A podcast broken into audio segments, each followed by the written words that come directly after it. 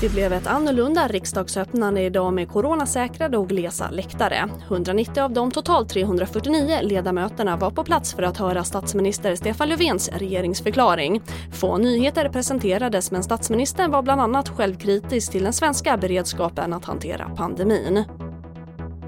Och inför hösten och vintern står Sverige för en annalkande utmaning i och med influensasäsongen som kommer under pågående pandemi.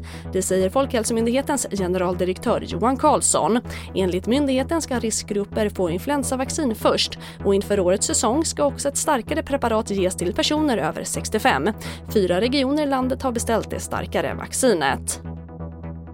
Och vi avslutar i USA där skogsbränderna som rasar i Kalifornien är de mest omfattande på över 30 år. Enligt brand och räddningstjänsten har det förekommit nästan tusen skogsbränder i delstaten på en yta nästan lika stor som Östergötland.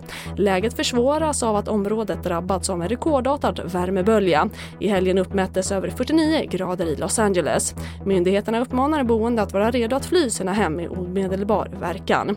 TV4-nyheterna, jag heter Charlotte Hemgren.